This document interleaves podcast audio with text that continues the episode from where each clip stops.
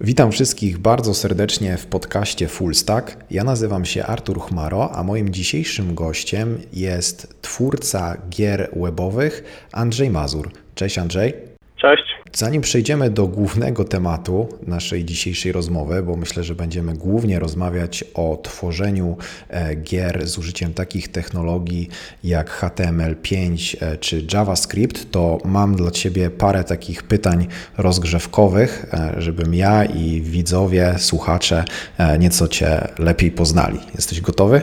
Tak, dawaj. Gra komputerowa, w której najwięcej spędziłeś czasu to? Oj, e, Fallout 2. Fallout 2, ok, też, też zdarzyło mi się grać. E, książka, którą najbardziej lubisz lub ostatnio czytałeś? E, fantastyka Orson Scott Card. Mhm. Kilka różnych, powiedzmy. Ale głównie fantastyka. Tak. Ok. I chyba najprostsze pytanie rozgrzewkowe. E, twój e, pierwszy język programowania? C, bo to był jedyny język, który uczyliśmy się na studiach, więc trzeba było. A, czyli, czyli dopiero na studiach miałeś ten pierwszy kontakt z programowaniem? Tak. tak. Okej, okay, okej. Okay. No dobra. To znaczy, nie... no powiedzmy, że w liceum coś tam kiedyś trzeba było jakąś stronkę postawić i ona tam w HTML-u była, ale to ciężko nazwać to, co tam robiliśmy programowaniem. Rozumiem, rozumiem. Ok, nie męczę Cię więc e, pytaniami rozgrzewkowymi. E, wróćmy do tematu głównego, czyli tworzenia gier e, z użyciem tych takich technologii typowo webowych. Czy Pamiętasz swoją pierwszą grę, bo byłem na Twojej stronie na Enclave Games i tam widziałem sporo gierek już takich, myślę, porządnych, ale czy pamiętasz taką pierwszą, pierwszą grę, którą udało Ci się zrobić i co to było? Szczerze mówiąc, mogę nie pamiętać, bo to były różne zabawy, eksperymenty, dema i tak dalej. Mm, Enclave Games to już jest powiedzmy takie studio robienie, robiące gry, gdzie te gry już są powiedzmy na poważnie i sprzedajemy licencje. Natomiast e, no, wydaje mi się, że e, pierwszą, którą pamiętam, to niewebowa gierka w C jako praca licencjacka na studiach w 2007. Natomiast e, z tych, co pamiętam, webowych, w jQuery zacząłem się w pewnym momencie bawić e, i zrobiłem Snake'a chyba w 2009 kilka innych gier w jQuery, później kilka gierek takich promujących frontendowe konferencje, bo byłem wtedy już frontendowcem, więc Pierwsza webowa to będzie chyba ten, ten Snake w jQuery. Mhm. A masz ogólnie jakąś, nie wiem, taką statystykę, e, prowadzisz sobie, byłbyś w stanie powiedzieć, ile już około wykonałeś gier z użyciem JS-a, tych technologii takich typowo webowych? Dokładnej liczby nie podam. E, teoretycznie prowadziłem swoje portfolio front, jako frontendowiec, e, więc strony internetowe jestem w stanie policzyć co do jednej, albo mhm. wejść po prostu na stronę i, i, i, i, przejrzeć to. Teoretycznie miałem zamiar prowadzić portfolio też gier webowych, ale jakoś za bardzo czasu nie było.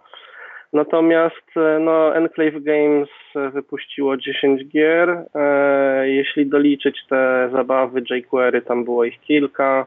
E, później kilka takich gierek właśnie promujących te konferencje. E, też kilka gier e, na zlecenie dla klientów wykonałem, więc e, wydaje mi się, że tak plus minus ze 30 gier mhm. to można by się doliczyć. Super, super. Jest to, myślę, e, już naprawdę bogate doświadczenie. Przyznam szczerze, że jak przygotowywałem się do naszej rozmowy, e, to na początku nie mogłem dostać w ogóle do Ciebie kontaktu. Przez Twitter próbowałem, później przez Insta i tak naprawdę byłeś chyba jedyną osobą taką stricte związaną z tworzeniem gier e, webowych, jaką udało mi się w polskim internecie znaleźć. Szukałem, szukałem no, po jest prostu... nas więcej, ale tak, community nie jest aż tak duże, bym powiedział. A powiedz mi teraz ogólnie z Tobą to wygląda tak, że jesteś takim twórcą e, gier e, na pełen etat, czy dalej Ci się zdarza coś tam, jakąś biznesową apkę zakodzić dla jakiegoś klienta, czy po prostu w pełni możesz się skupić na tworzeniu gier? W pełni skupiam się na tworzeniu gier, nad jakby nie zajmuję się już frontendem, ani apkami webowymi, chyba że coś muszę na szybko zrobić dla mhm. siebie. Mhm. E, natomiast e, to też nie jest tak, że tylko i wyłącznie tworzeniem gier się zajmuję, bo e, jakby to było tylko to, to tych gier Enclave zamiast 10 to by było pewnie z 50, bo oprócz tego to staram się różne inne inicjatywy ogarniać.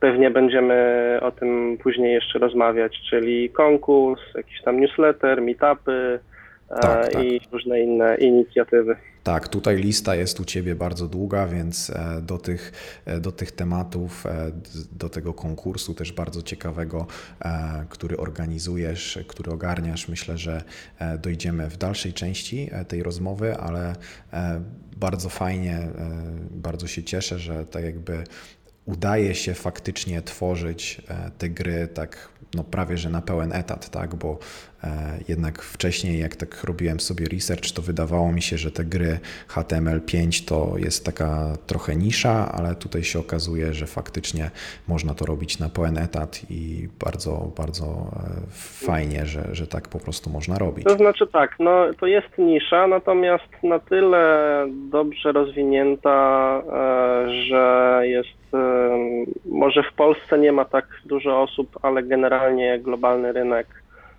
jest mnóstwo osób, które albo same tworzą gry, albo po prostu siedzą w studiach, które tworzą e, gry webowe. E, jest to całkiem, całkiem niezły interes. Mhm. Skoro jest to całkiem niezły interes, to muszę się tutaj podpytać trochę Mam nadzieję, że nie odbierzesz tego jako robienie konkurencji ci e, w, w, tej niszy, ale chciałbym zapytać właśnie, jak można e, rozpocząć E, swoją przygodę z tworzeniem gier e, z perspektywy takiego frontenda, który nie ma z tym za dużo wspólnego. Czyli jeżeli ktoś ma doświadczenie głównie w tworzeniu aplikacji webowych z użyciem HTML5, CSS, ma jakieś podstawy, jak działa JavaScript, potrafi ktoś korzystać z Angulara czy z Reacta, to jak byś określił taką ścieżkę, jaką należałoby przejść, by być w stanie dostarczać gry? Przede wszystkim to na pewno nie będzie konkurencja. Ja sam zachęcam ludzi do, do robienia gier, do uczenia się tego. E, swego czasu dosyć dużo tutoriali pisałem, poprowadziłem też kilka warsztatów i szkoleń, e, więc im więcej nas, tym weselej. E, I sam byłem frontendowcem i te gry siedziały mi ciągle z tyłu głowy i w pewnym momencie po prostu zacząłem próbować używać narzędzi, które już znam, e, robiąc gry, więc jeżeli ktoś zna Reacta, to niech spróbuje zrobić, nie wiem, kółko i krzyżyk albo Snake albo cokolwiek innego w Reactie. Mhm. E, Tetris mi po chodził prostu... po głowie.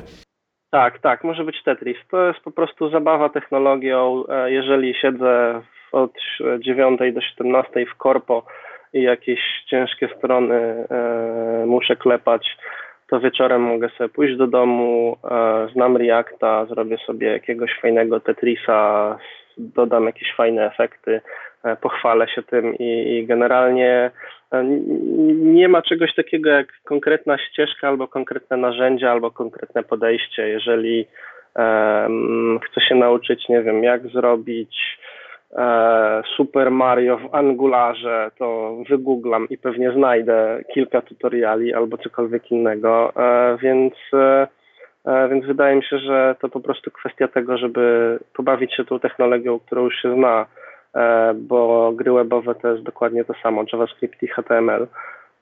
Więc to przejście powinno być bardzo, bardzo delikatne i bardzo ciekawe, jeżeli kogoś interesują gry, e, bo jednak klepanie jakichś tam dużych formularzy to jest jedno, za, za co się dostaje pieniądze, a jak można się później pobawić, coś fajnego zrobić, to, e, to jest niezła satysfakcja. Mhm. Czyli tutaj e, zalecasz taką metodę małych kroków, wykorzystanie tego, co już się wie.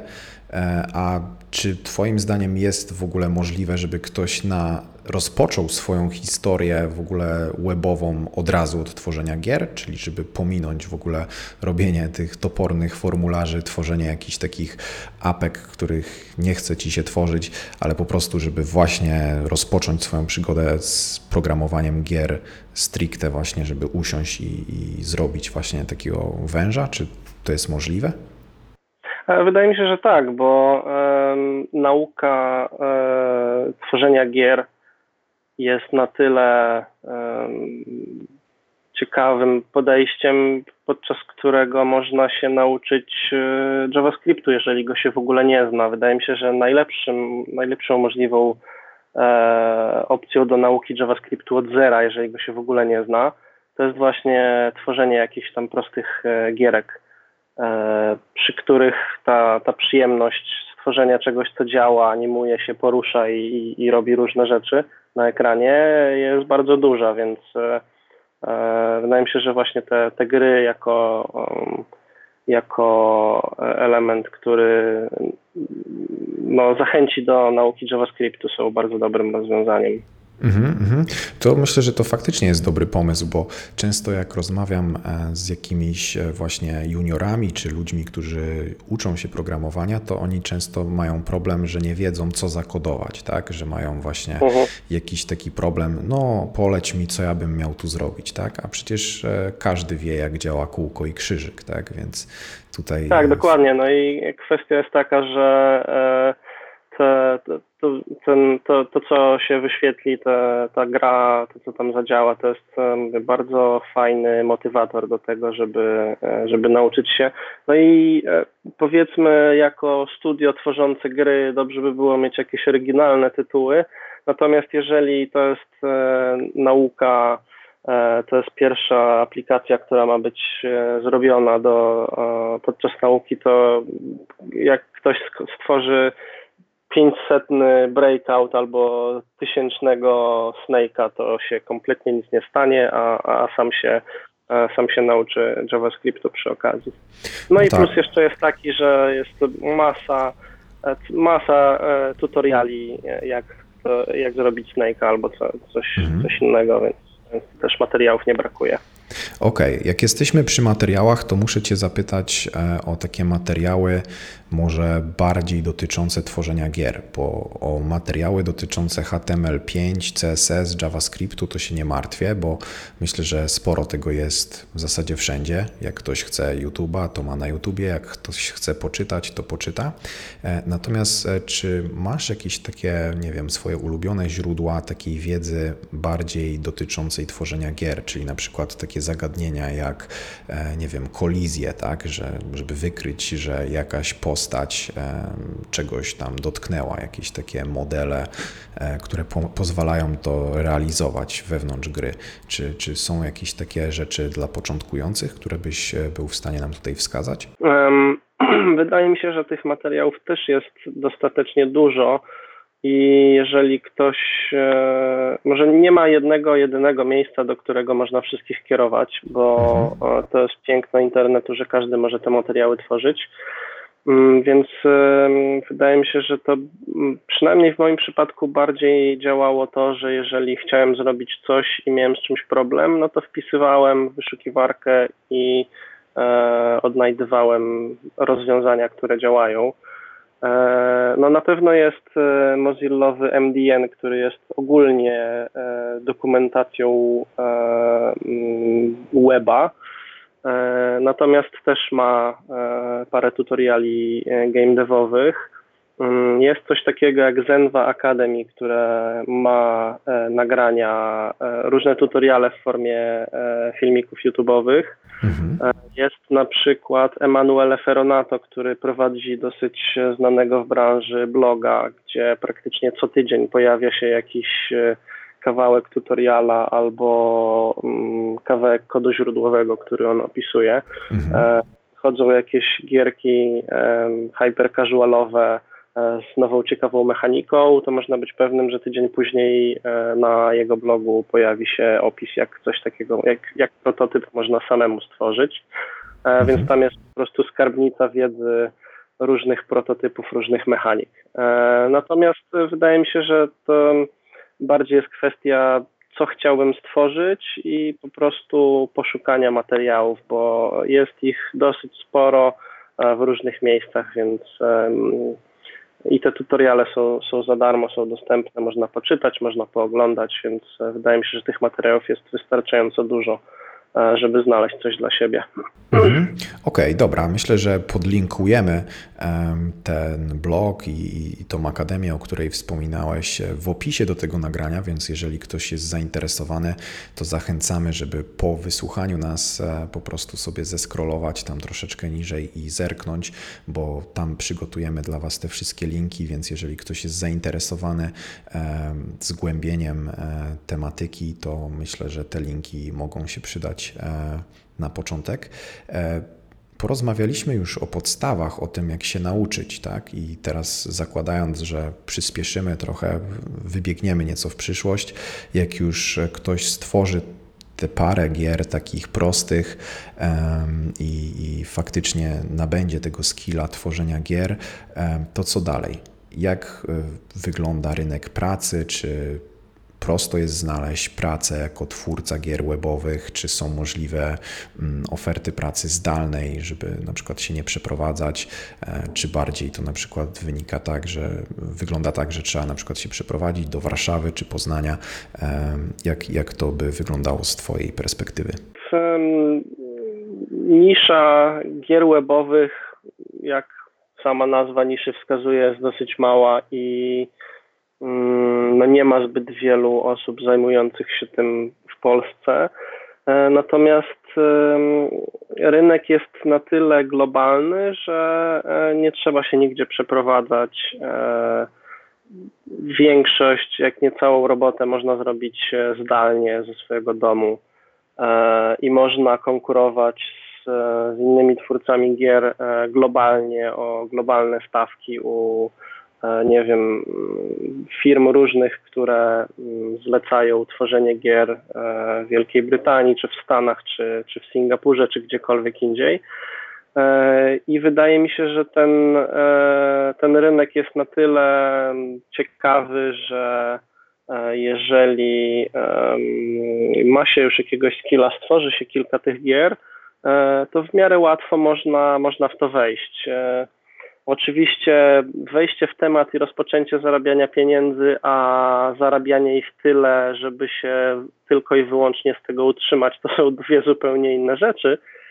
Natomiast to jest na tyle ciekawy i specyficzny rynek, że to nie jest tak, że e, ile muszę zrobić gier, żeby się nazywać game developerem. Zrobiłeś jedną, no to już jesteś, więc jak ją komuś sprzedałeś, to teraz jesteś deweloperem, który zarabia pieniądze na grach, więc nie ma tu jakiegoś lobby, nie ma tu jakichś takich nie wiadomo jakich, nie wiem, wymagań, certyfikatów albo czegokolwiek. E, to jest na tyle luźny, luźny temat, że można po prostu siedzieć sobie u siebie w domu, natrzaskać ileś tych gier, e, pokazać się z nimi i, i można już zarabiać na tym pieniądze. A tak jako prelegent, e, jako osoba no, siedząca e, bardzo głęboko i długo w tej branży, to z Twojego doświadczenia wynika, e, że jest więcej takich ludzi, którzy jakby tworzą grę sami od A do Z, czyli mają pomysł na przykład na jakąś mechanikę, na jakąś monetyzację późniejszą tej gry i sami są w stanie nie tylko to wszystko zakodować, ale też wymyślać jakby tą grę od, od podstaw, e, czy też jednak zdarzają się takie osoby, które no, są takimi bardziej, e, no nie obrażając nikogo, e, deweloperami, tak? czyli po prostu dostają taska, zrób tutaj na przykład małpę, która ma wejść po drabinie i tyle. Wydaje mi się, że jest dosyć spora różnorodność. Znam osoby, które robią wszystko same i dobrze im idzie. Znam też małe, kilkuosobowe studia, które, które też e, się tym zajmują i tam ktoś ma po prostu konkretne zadanie e, odgórne zrobienia czegoś tam. E, są też większe firmy, gdzie to nawet momentami może przypominać korpo, tylko że różnica jest taka, że zamiast jakiegoś frontendu, no to się robi gry. Więc wydaje mi się, że no, ta różnorodność jest duża i jakby nie ma jakiejś konkretnej tendencji wybijającej się ponad pozostałe. Mm, jeżeli ktoś chciałby pracować sam, jak najbardziej, jak ktoś chciałby dołączyć do jakiegoś zespołu, znajdzie się. E, jak ktoś chciałby pracować w większej firmie, to też e, to się znajdzie. E, w przypadku tych większych firm wtedy można mówić o potrzebie relokacji, przeniesienia się do, nie wiem, Niemiec, Holandii czy, czy gdziekolwiek indziej. E, żeby pracować na miejscu, no bo wtedy powiedzmy ten, ten zespół tam, nie wiem, liczy 10, 20, 30 osób i więcej e, i wtedy lepiej się współpracuje na miejscu. Natomiast no, jako, jako punkt wejścia jak najbardziej można sobie siedzieć samemu gdzieś tam w domu i, i dłubać te gierki. Mhm, mhm. Okej, okay, bo właśnie myślałem, że to też przez to, że to jest taka nisza, no to jest zapotrzebowanie jakby nie tylko na mm, nazwijmy to deweloperów, ale też takich pełnoprawnych twórców, tak? A to domyślam się, że mogłoby jeszcze bardziej zwiększyć tą barierę wejścia, bo raz, że trzeba mieć umiejętności deweloperskie, a dwa, że jeszcze jakiś e, no, zespół umiejętności, które pozwalają tworzyć grę, ale tutaj mnie uspokoiłeś, że nie jest to jakby e, konieczne, bo domyślam się, że samo jakby tworzenie gry to o tym zostało napisane no, setki e, czy nawet tysiące książek, jak tworzyć dobrą mechanikę, jak zainteresować gracza, jak spowodować, żeby chciał on grać i po prostu, nie wiem, na przykład zostawić pieniądze e, wewnątrz gry. I jak już jesteśmy przy tym temacie, to może poleciłbyś jakieś, nie wiem, blogi e, czy, czy źródła, gdzie można posiąść taką wiedzę, czyli bardziej już nie deweloperską, ale bardziej taką, jak zaplanować tą grę, jak w ogóle się zabrać do tego, bo wyobrażam sobie, że to musi być e, naprawdę skomplikowany proces. A to jest dobre pytanie i nie jestem w stanie nic polecić. E, jeżeli ktoś by chciał coś takiego prowadzić, to w sumie to jest całkiem dobry pomysł, bo mm, swoją drogą stworzenie prototypu, który tam działa i, i tak jak mówisz, jest cała masa tutoriali, jak zrobić swoją pierwszą grę w JavaScriptie i czy to jest Breakout Snake, czy cokolwiek innego. Natomiast e, wydaje mi się, że kluczową umiejętnością jest e, ukończenie projektu i wydanie gry i zrobienie tego całego cyklu od stworzenia prototypu, przez jakiś tam feedback od, e, od ludzi, od testerów, e, ukończenie, wydanie tego projektu, sprzedaż licencji, komunikacja z, z klientem, z, z wydawcą itd., tak itd. Tak e, to są takie rzeczy, które no, są istotne, a raczej nikt nie pisze mm, tutoriala E, na zasadzie jak, e, jak zagadać do wydawcy, albo jak mhm. negocjować stawki, albo coś w tym stylu. Więc wydaje mi się, że tych materiałów e, może brakować, a jest to dosyć, dosyć istotny temat. Mhm. No, tu może też pewnie chodzić o to, że jak ktoś już ma tą receptę, to może nie chce się nią tak dzielić. E, no tak chętnie. też może być, bo, bo tak, ilość wydawców jest ograniczona. E, to, że to jest nisza nie znaczy, że tych deweloperów nie ma więcej niż wolnych miejsc na gry, więc e, jakaś tam konkurencja między nimi na pewno jest. Mhm. Chciałbym Cię jeszcze podpytać e, o przyszłość gier e, JavaScript, bo tak jak ja zawsze patrzyłem na gry HTML5 robione z użyciem JavaScriptu, no to po pierwsze, pierwsze moje takie skojarzenie, no to były jakieś takie kasyna, tak? Czyli na przykład wchodzę do kasyna, mam jakąś tam prostą gierkę, gdzie mogę zagrać o pieniądze i wygrać albo stracić. Tak? I tutaj do tego HTML5 i JavaScript nadaje się idealnie, bo jakby no, możemy to zrobić wszystko w przeglądarce i dzięki temu możemy dotrzeć do szerokiego grona e, naszych odbiorców. Później mamy jakieś takie gierki, e, które są na konferencjach, tak? czyli że kto tam szybciej coś napisze, czy kto tam szybciej gdzieś przejdzie albo odpowie na jakieś pytania, to otrzymuje jakąś nagrodę albo gdzieś tam się wyświetla jego imię, tak? I teraz pytanie, czy mm, Twoim zdaniem przyszłość gier JS e, zmierza w takim kierunku, że kiedyś faktycznie będziemy mieli taką platformę jak Steam, że na przykład będę kupował sobie gierkę i prawie że w przeglądarce sobie w nią grał, e, czy bardziej jakby te gry faktycznie zostaną trochę mm, w tym miejscu takich mini gier, e, jakichś takich akcji promocyjnych? No, wydaje mi się, że to się będzie rozwijać na wielu różnych płaszczyznach i prędzej czy później możemy się doczekać czegoś takiego jak Steam.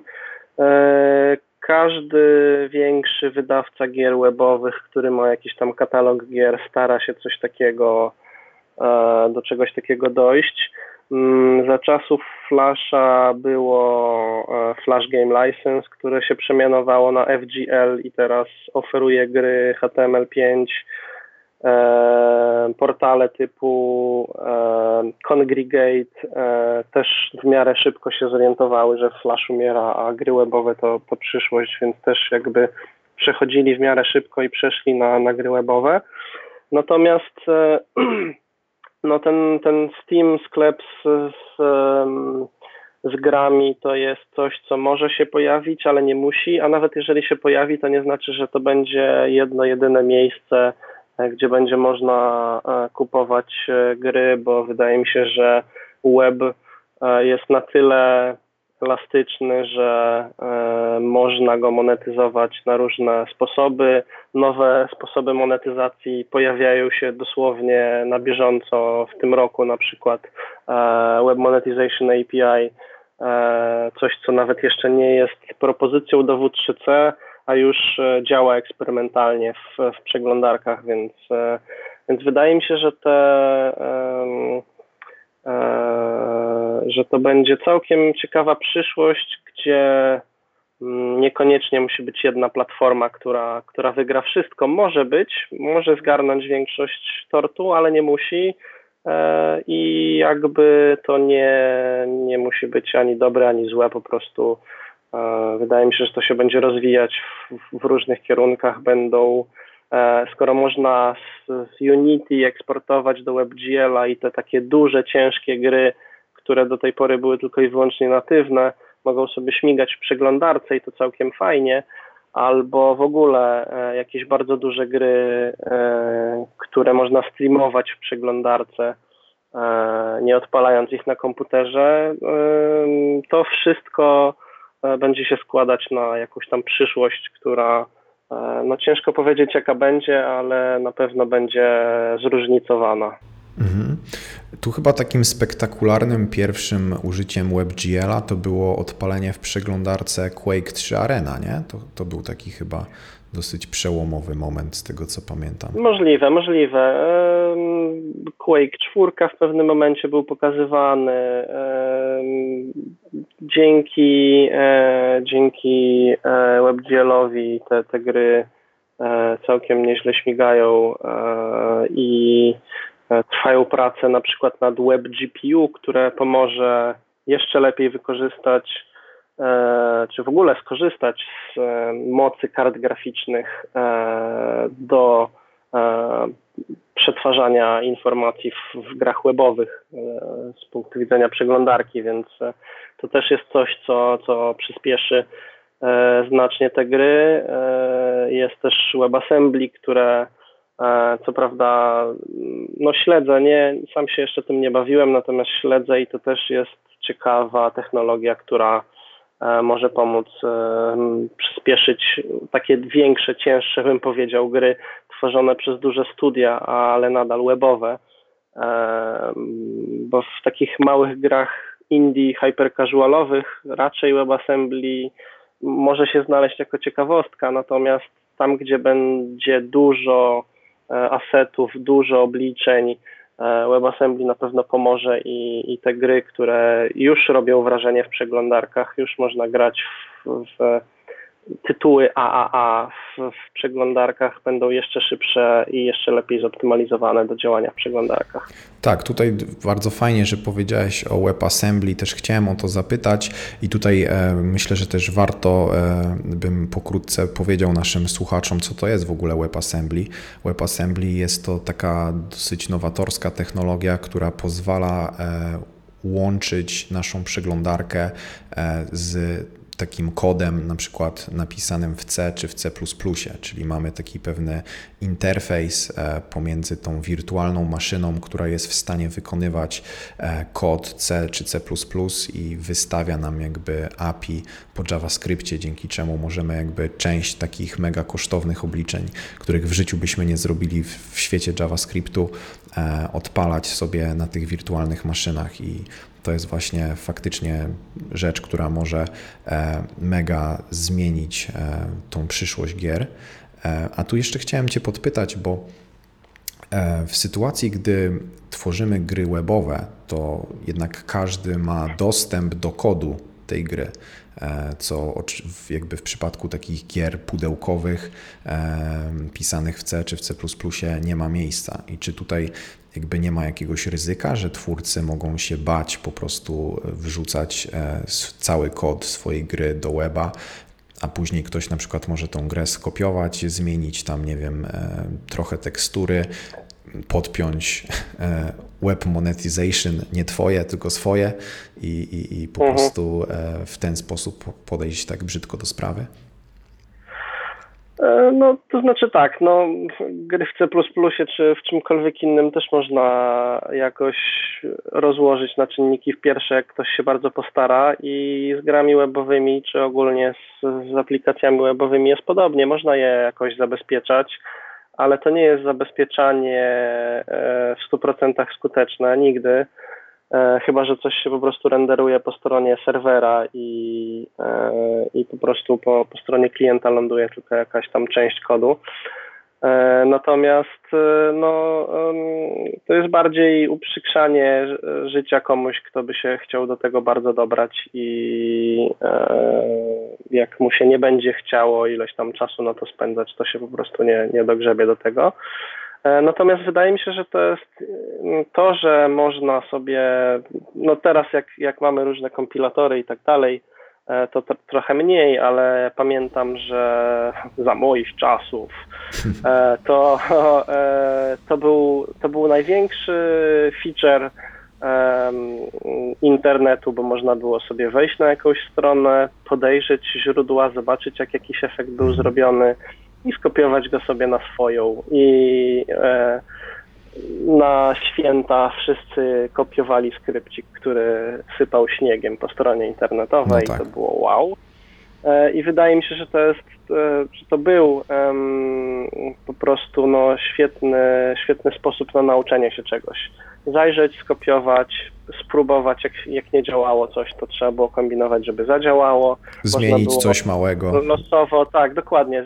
Zmienić jakąś losową wartość i zobaczyć, co się dzieje. E, wprowadzić jakąś inną, spróbować trochę zmodyfikować, dodać jakiś inny obrazek albo jakiś inny efekt i nagle było takie wow, działa u mnie, super. E, więc to jest jeden aspekt taki e, uczenia się. Natomiast ten taki biznesowy, no da się zabezpieczyć na tyle kod źródłowy, żeby mm, nie każdy, czy prawie nikt nie był w stanie się do niego dobrać.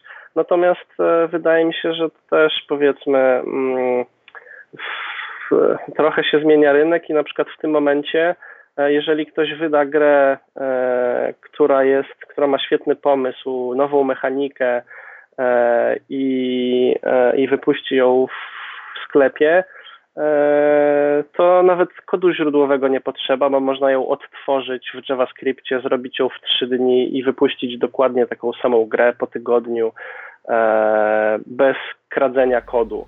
Mhm. E, bo technologia jest na tyle, na tyle rozwinięta, że, e, że wystarczy podejrzeć, jak coś jest zrobione i, i można mniej więcej to samo zrobić, e, zrobić samemu. Więc to zabezpieczanie kodu jak najbardziej można robić, można uprzykrzać, natomiast no nie da się tego w pełni zabezpieczyć, ale też nie ma sensu przesadzać z tym zabezpieczaniem. No jak jak coś ktoś będzie chciał zdobyć, to zdobędzie tak czy inaczej, bo te pliki tak się przecież zapisują e, w cache'u w przeglądarce, więc e, jakoś da się to odminifikować, e, rozszyfrować i tak dalej, więc tak, mhm. tak to wygląda. Okej, okay, bo zresztą i tak, tak jak mówisz, nawet jak ktoś zdobędzie ten kod, no to często w grach chodzi o wszystko też, co jest naokoło, tak? Czyli support, jakieś serwery, społeczność graczy, czy nawet sam adres, gdzie możesz w jakąś grę zagrać i jak tam e, jakiś Janusz sobie skopiuje coś i postawi na własnym serwerze, no to wcale to nie oznacza, że nagle e, wszyscy ludzie przejdą do niego, tak? Chyba, że coś tam no zmodyfikuje lepiej. Jest, jest, jest trochę gier, które e, mają otwarty kod źródłowy, a mimo wszystko są popularne, ludzie w nie, w nie grają i, i, i autorzy zarabiają pieniądze, więc, e, więc to nie jest jakiś problem, że och, ukradli kod źródłowy, mogę zwijać interes i po zabawie. Mhm. A właśnie jak jesteśmy przy tym, czy, czy mm, Dał, dałbyś radę nam podać jakieś takie repozytoria, jakichś takich gier um, napisanych w JS-ie, które uważasz, że e, fajnie by było zerknąć sobie na ten kod i po prostu zobaczyć, w jaki sposób pewne rzeczy są e, napisane e, przez takich twórców, którzy jakby mm, upubliczniają z, z źródła swoich gier? E, więc tak, z jednej strony e, mam domenę openhtml5games.com, na której dokładnie coś takiego miało powstać, ale od nie wiem, pięciu czy ilu lat nie miałem czasu tego ruszyć. E, natomiast konkurs JS 13K Games ma ten, ten bajer, że każda gra zgłoszona na konkurs E, zgłasza się paczkę zip zminifikowanego kodu, żeby zmieścić się w 13 kilobajtach. Natomiast e, kod źródłowy każdej gry, ich już do tej pory od 2012 powstało chyba 1300 ileś tam. E, kod źródłowy w czytelnej formie, idealnie z komentarzami, chociaż to się rzadko zdarza, E, musi znajdować się na GitHubie, więc e, można wejść na stronę konkursu, zagrać w którąkolwiek grę, a gier jest mnóstwo i jest bardzo dużo świetnych gier e, i, i z bardzo fajnymi mechanikami i tak dalej, i tak dalej i wszystkie te gry mają kod źródłowy na GitHubie. O. Można sobie zajrzeć, można podpatrzeć coś, można skopiować, spróbować zbudować jakiś swój projekt na, na podstawie E, tego kodu źródłowego. Oczywiście to, że coś jest open source na GitHubie nie oznacza, że jest dane za darmo i można sobie to wziąć, opakować i sprzedawać. Natomiast e, z tego punktu widzenia nauki e, to jest idealne źródło informacji, bo można sobie e, zobaczyć, jak gry, które wygrywały na przykład poszczególne lata w konkursie, jak zostały zaprogramowane. Jeszcze kolejna fajna rzecz jest taka, że autorzy tych gier piszą coś, co się nazywa postmortem, czyli taki opis tego, jak jak wyglądało tworzenie gry, co, co, co wyszło dobrze, co wyszło źle, e, jakie mieli problemy, jakie rozwiązali. I te postmortemy e, gier konkursowych to jest po prostu kopalnia wiedzy, bo swoją drogą kod źródłowy, a swoją drogą czemu coś jest zrobione tak, a nie inaczej, e, jakie, jakie były problemy, jak zostały rozwiązane, jak można coś obejść i tak dalej, i tak dalej, jakieś ciekawe sztuczki, więc,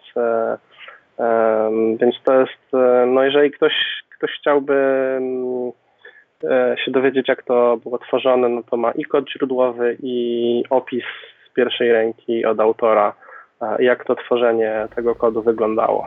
Tak, gładko, gładko przeszliśmy do e, właśnie Twojego konkursu, którym jesteś twórcą, bo Andrzej jest twórcą konkursu JS 13K Games, który o którym też w zasadzie mieliśmy dzisiaj rozmawiać, ale myślę, że idealnie się to wpisało właśnie w to, e, o co pytałem, czyli właśnie dużo ludzi się uczy w taki sposób, żeby przeczytać po prostu kod, który został zrobiony przez ludzi, e, którzy mają większe pojęcie, więc bardzo fajnie, że wspomniałeś o tej inicjatywie. Jeszcze pokrótce, gdybyś mógł powiedzieć, jak ogólnie powstał ten konkurs i na jakich zasadach on e, działa. Jasne, więc konkurs wystartował w roku 2012. E, odbywa się co roku e, między 13 sierpnia a 13 września. E, konkurs jest online, więc każdy może w ciągu tego miesiąca zrobić grę i po prostu wysłać ją przez formularz na stronie jako zgłoszenie. No i konkursie jest cała masa nagród. Zazwyczaj udaje mi się zebrać różne typy licencji, e, oprogramowania. E, to się zazwyczaj kręci w, w okolicach 20 tysięcy dolarów w sumie. E, I to jest powiedzmy Pula nagród, 25 tak? czy tak, 20, 25 do 30 różnych typów nagród, typu nie wiem, 10 licencji na WebStorm, 100 licencji na jakąś grę i tak dalej, i tak dalej więc jest tego dosyć sporo. No i jeszcze rozsyłam, e, co roku są inne koszulki e, z, z innym e, logo mm, w klimacie JS Rhythm i jak do pewnego momentu każdy uczestnik dostawał koszulkę z jakimś gadżetem, naklejkami i tak dalej, to było wysyłane za darmo w świat. Tak od pewnego momentu top 100 zgłoszeń dostaje taką darmową koszulkę z gadżetem i, i z naklejkami. E, no i generalnie fajne jest to, że mimo, że to jest konkurs, mimo, że ludzie rywalizują ze sobą, e, to społeczność, która urosła wokół tego konkursu jest po prostu najlep najlepszą rzeczą, jaka, jaka się mogła wydarzyć, bo generalnie ludzie sobie bardzo chętnie pomagają, E, można e, wejść na Slacka, zadać pytanie i, i, kilka osób chętnie pomoże, doradzi i tak dalej. E, I to mi się bardzo podoba, że, że to, to, ta społeczność żyje, żyje tym konkursem, że, że pomagają sobie, że najważniejszym wnioskiem tych, którzy weszli pierwszy raz w temat, jest to, że się mnóstwo nauczyli, że społeczność była pomocna, i że uczestnictwo to była czysta przyjemność. Z tego jestem bardzo dumny. Mhm. W ogóle brzmi to naprawdę super. Też byłem mega pod wrażeniem, jak zobaczyłem niektóre z gier, e, które są właśnie z tego roku e, w różnych kategoriach pokazane, więc e, zachęcamy naszych widzów i słuchaczy do zapoznania się z tymi grami. Gratuluję też Ci, że udało Ci się stworzyć tak fajny konkurs i właśnie często tak, często tak jest, że tak naprawdę wokół takich super inicjatyw tworzą się właśnie społeczności i nigdy wcześniej byś tego na przykład nie założył, tak? bo po prostu robiłeś mhm. konkurs, a tutaj się pojawiło sporo mm, pobocznych e, rzeczy, więc wydaje mi się, że to jest jeszcze jakby taki e, kop motywacyjny dla innych osób, które też e, tworzą jakieś własne konkursy czy własne inicjatywy, że mogą się one przerodzić w coś tak fajnego i tak dużego też jesteś autorem pewnego newslettera. Czy o tym byś nam powiedział pokrótce? E, tak, więc e, Game Dev JS Weekly to jest newsletter, który dosłownie chyba tydzień temu miał swoją trzysetną, e, swój trzysetny odcinek. E, więc e, nie pominąłeś żadnego tygodnia? 300 razy nie, tydzień nie, w tydzień jest, udało ci się dziwne, wysłać? Tak, tak, tydzień w tydzień, może kilka razy z pewnych względów newsletter poszedł w sobotę, a nie w piątek, mhm. ale e, dokładnie jakby policzyć tygodnie od e, początku stycznia 2014 do e, początku października 2019 to jest 100 tygodni e, i nie wiem jakim cudem mi się to udało, ale mi się to udało i nadal jeszcze się to kręci. E, natomiast no, momentami było ciężko. No, jako twórca robiący na swoim, nie, nie posiadający czasu na urlopy, to jakoś jest, jest można to wszystko ogarniać, natomiast jest to czasami no, trochę czasu trzeba na to poświęcić. Natomiast no, newsletter już dawno by się zamknął, skończył i nie istniał, gdyby nie to, że ciągle e, losowi ludzie po prostu wysyłają maile na zasadzie hej, czytam go od roku, od dwóch, hej, czytałem świetny artykuł u ciebie, e, hej, coś tam, coś tam. I, i świetne jest to, że że ludzie, ludziom się to podoba, korzystają z tego, jest to jakaś tam wiedza skondensowana z całego tygodnia, w, e, wysyłana w piątek. E, też sporo osób podsyła jakieś materiały, to też jest fajne, że, że ktoś się odzywa i hej, zrobiłem taką i taką grę, tu jest tutorial, tu jest narzędzie, czy mógłbyś mhm. wrzucić? No jasne, nie ma problemu. No i też jakaś powiedzmy nie taka, nie, nie, nie ma takiej społeczności dużej i, i bezpośrednio komunikującej się ze sobą, natomiast jest, jest sporo osób, które to czyta i które e, jakby czekają na kolejne edycje i, i, i te materiały, które się tam pojawiają, to, to im się przydają i, i uważają za interesujące. Mm -hmm. I jeszcze e, na mojej liście e, Twoich zacnych inicjatyw mam e, Meetup, który odbywa się w Warszawie. Czy też o tym byś mógł nam powiedzieć pokrótce, co tam się dzieje, tak. kiedy się spotykacie, jak to wygląda? Więc generalnie mm, Game Dev.js to są różne inicjatywy. Meetup w miarę regularnie odbywa się, ja wiem, może od dwóch lat. Natomiast sama inicjatywa różnych spotkań około game devowych, javascriptowych wystartowała w 2013, tylko problem polega na tym, że jak e, ja to wszystko ogarniam, to jak ogarniam tych pięć projektów, to tych pozostałych 15 nie mam czasu, więc e, jak musiałem się bardziej skupić na konkursie, no to przez rok praktycznie nie mieliśmy żadnych meetupów. Mhm. E, natomiast to też jest fajne, że mm, no może ta społeczność też nie jest jakaś duża, szczególnie w Warszawie, E, kiedy generalnie gry webowe to jest, to jest temat globalny. Natomiast e, no, staramy się spotykać, staramy się organizować meetupy też lokalnie.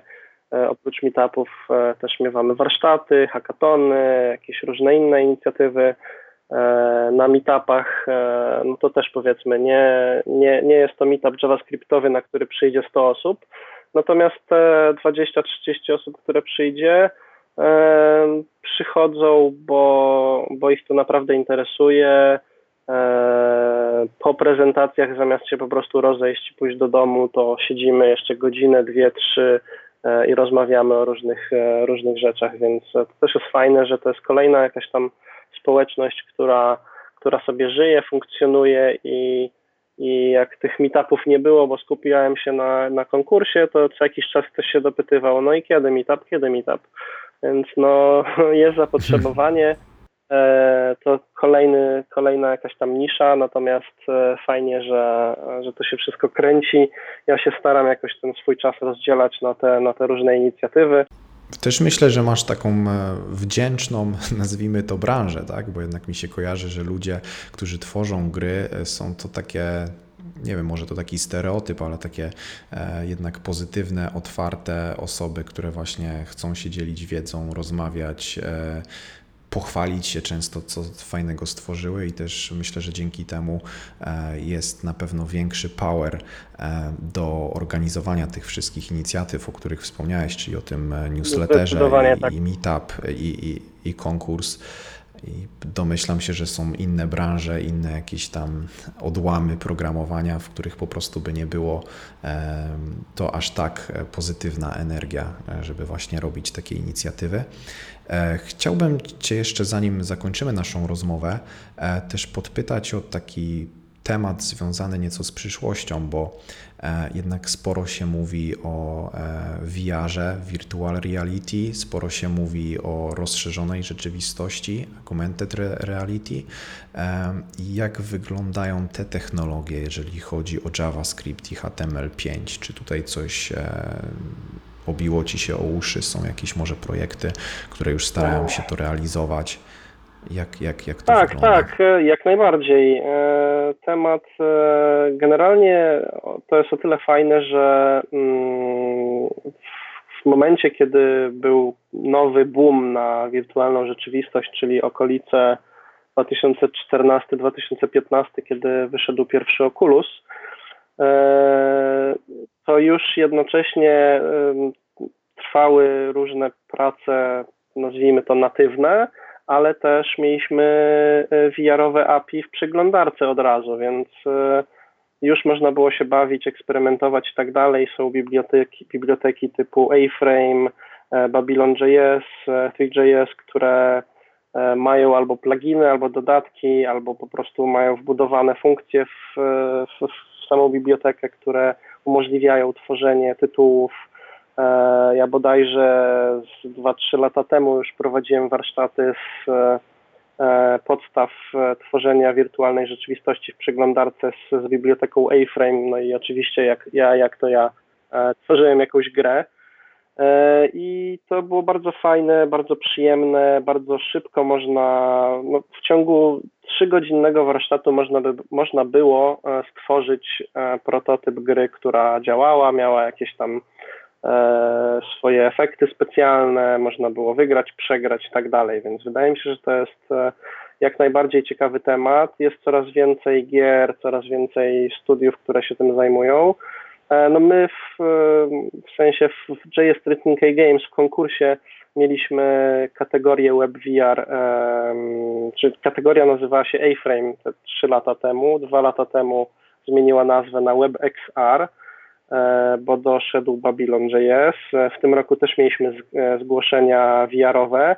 No i te gry naprawdę są bardzo fajne, VR-owe, które były zgłoszone na konkurs w tym roku.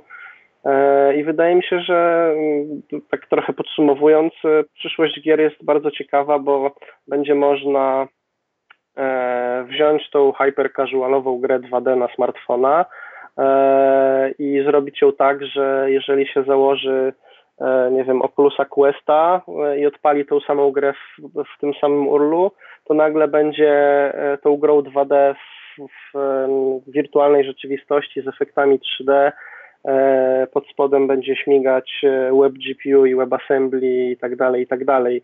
I to wszystko będzie można sobie bardzo fajnie mieszać e, i to będzie przynosiło efekty. I takie gry będzie można tworzyć i w dwuosobowym studio, czy samemu, czy w jakimś dużym studio, które zajmowało się do tej pory, nie wiem, natywnymi aplikacjami albo grami, ma 100 deweloperów i też może E, nie wiem, wyeksportować do weba to, co stworzą i, i, e, i też tworzyć jakieś ciekawe rzeczy, które później e, w przeglądarce będą konsumowane. Więc wydaje mi się, że to, że to jest jedna z technologii, które rozwijają się i będą się dalej rozwijać i, i warto to śledzić, warto się tym zainteresować. E, bo e, może to być naprawdę ciekawy temat. Tu mam jeszcze takie, a propos tego tematu, pytanie może takie laickie od laika, e, ale jak ogólnie wygląda testowanie gier VR, jeżeli nie mam Oculusa? Czy są jakieś takie sety tańsze, łatwiej dostępne, czy są jakieś inne e, techniki e, po prostu testowania takich gier i developmentu ich, jeżeli nie mamy aż tak e, specjalistycznego sprzętu, który teraz domyślam się, że nie jest jakoś mega tani, nie jest mega łatwo dostępny, a mimo wszystko chcielibyśmy się nieco pobawić tymi technologiami VR-owymi. E, jak najbardziej. Jest cały wachlarz urządzeń. Generalnie z A-Frame'em na przykład to jest o tyle fajne, że e, podstawowa scena A-Frame'owa e, jakby z automatu dostaje mm, to, że mm, tą grę czy, czy aplikację można przetestować bezpośrednio na laptopie, myszką i klawiaturą. Można chodzić w tej scenie można to odpalić na smartfonie i za pomocą device orientation, czyli prze, przesuwaniem, przekręcaniem telefonu można się rozglądać w takiej rzeczywistości. Można zdobyć jakiegokolwiek cardboarda, czyli taki, e, taki headset VR-owy dosłownie z kartonu, który kosztuje nie wiem, 3 dolary czy 5 mhm. dolarów, e, który już jest jakimś tam doświadczeniem VR-owym, bo ten telefon w tego cardboarda włożymy i już możemy się rozglądać. Można kupić Oculusa Go, który ma jeden, jeden kontroler i jest pełnoprawnym, niezależnym e, headsetem. Kosztuje bodajże 200 dolarów. E, jest też Oculus Quest, który kosztuje 400 e, czy tam 450 bodajże i jest no już takim porządnym headsetem, więc dobre jest to, że można się bawić kompletnie bez żadnych urządzeń można, no nawet w konkursie ktoś mówił, nie mam żadnego headsetu, zrobiłem grę VR-ową, w teorii powinno działać. E, I sędziowie na przykład odpalali na, na różnych urządzeniach i się okazało, że tak, no super działa, więc e, e, że jest fajne. I no mówię, taki, takie podstawowe doświadczenie VR-owe, cardboard, rozsyłaliśmy cardboardy dwa lata temu i rok temu E, do uczestników kategorii WebXR i, i taki cardboard kosztuje dosłownie kilka dolarów.